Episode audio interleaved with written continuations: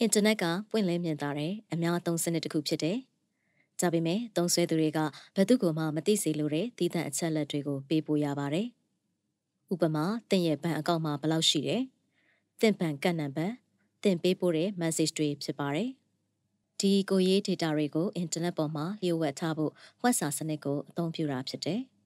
ဥပမာမိမိကတငယ်ချင်းစီ Gmail နဲ့အရေးကြီးတဲ့ email တစ်စောင်ပို့ရင်ဒီ Gmail က Telenor လိုမျိုးပြည်တွင်း internet ဝန်ဆောင်မှုပေးသူကတဆင့်သွားမယ်။ပြီးရင် Google server မှာတင်ဆက်ဖို့ရေအောက် cable ကနေစင်ကာပူလိုမျိုးအခြားနိုင်ငံက internet ဝန်ဆောင်မှုပေးသူစီကိုဖြတ်သွားမှာဖြစ်တယ်။ဝက်စာစနစ်မလုပ်ထားရင် Telenor ကမိမိရဲ့ Gmail ကိုဖတ်နိုင်ပါတယ်။စင်ကာပူ internet ကုမ္ပဏီကလည်းဖတ်နိုင်တယ်။ရေအောက် cable တွေလဲပတ်ပေးနေတဲ့ကုမ္ပဏီကလည်းဖတ်နိုင်တယ်။ ဝက်စာစနစ်လုပ်ထားရင် email message ရဲ့မူရင်းစာသားကိုဝှက်ထားတဲ့အတွက်ဈာမှာရှိတဲ့ဒီကုမ္ပဏီတွေကဖတ်လို့မရပါဘူး။ဝက်စာပြန်ဖြေစနစ်ကလိုအပ်တဲ့အခါမှာဖတ်နိုင်ဖို့ email စာကိုပြန်ဖြေပေးပါလိမ့်မယ်။ဒါဆိုဝက်စာစနစ်ကဘယ်လိုအလုပ်လုပ်လဲ။နားလည်ဖို့အလွန်ရိုးရှင်းတဲ့ဥပမာတစ်ခုနဲ့စတင်ကြပါစို့။ Hello ကိုဝက်စာစနစ်လုပ်ကြည့်ရအောင် အခြားသူတွေမသိဖို့အခရာစင်အတိုင်းအဆင့်၅ဆင့်တိုးပြီးဟယ်လိုမှာစလုံးတစ်လုံးစီကိုအစားထိုးလိုက်ကြပါစို့ H က M ဖြစ်သွားပါလိမ့်မယ် E က J ဖြစ်သွားလိမ့်မယ်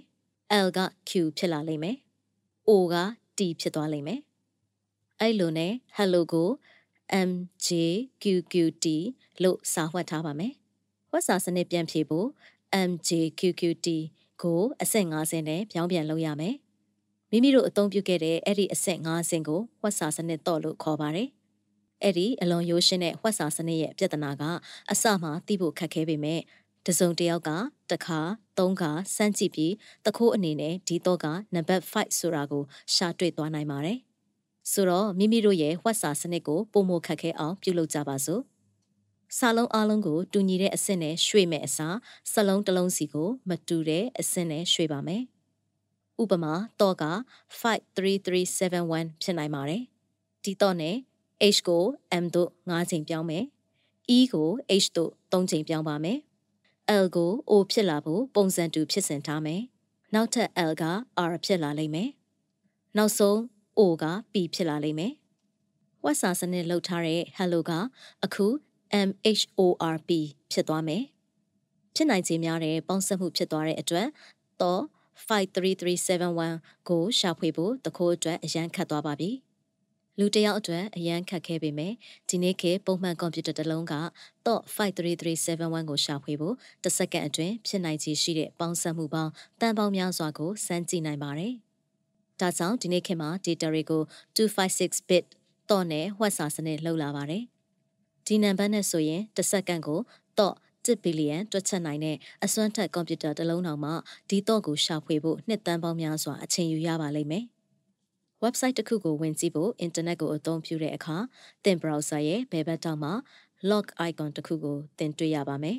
။ဒါကဘာကိုဆိုလိုတာလဲဆိုတော့ website ကိုသင်ပို့တဲ့ data နဲ့ website ကနေလက်ခံရရှိတဲ့ data ကိုကုတ်ဝှက်ထားတာဖြစ်တယ်။ဒါက hacker တွေအလဲကနေခိုးယူခြင်းမှတားဆီးပေးပါတယ်။ ဒါကြောင့်လောမချပဲ website တွေမှာဘဏ်ကတ်အသေးစိတ်တွေဒါမှမဟုတ်စကားဝတ်တွေကိုဘယ်သောအခါမှထည့်မထားပါနဲ့ VPN ဆိုတာ web စာစနစ်ရဲ့ application တစ်မျိုးဖြစ်တယ်။ VPN ကသင်ရဲ့ internet ဝန်ဆောင်မှုပေးသူနဲ့သင် internet ချိတ်ဆက်မှုကြားမှာ web စာစနစ်လုပ်ပေးတာဖြစ်တယ်။ဒါကြောင့်သင်ရဲ့ဝန်ဆောင်မှုပေးသူကသူတို့ရဲ့ Wi-Fi ကနေဒါမှမဟုတ် 3G ကနေတစ်ဆင့် Facebook ကိုချိတ်ဆက်နေကြောင်းမသိနိုင်ပါဘူး။ အခုဆိုအင်တာနက်နဲ့ဝက်စာစနစ်ကအပြန်အလှန်ဆက်ဆက်နေတယ်ဆိုတာသင်သိသွားပါပြီ။ data ကိုကုတ်ဝှက်မထားတဲ့မြည်သည့်နေရာမဆိုသတိထားပါ။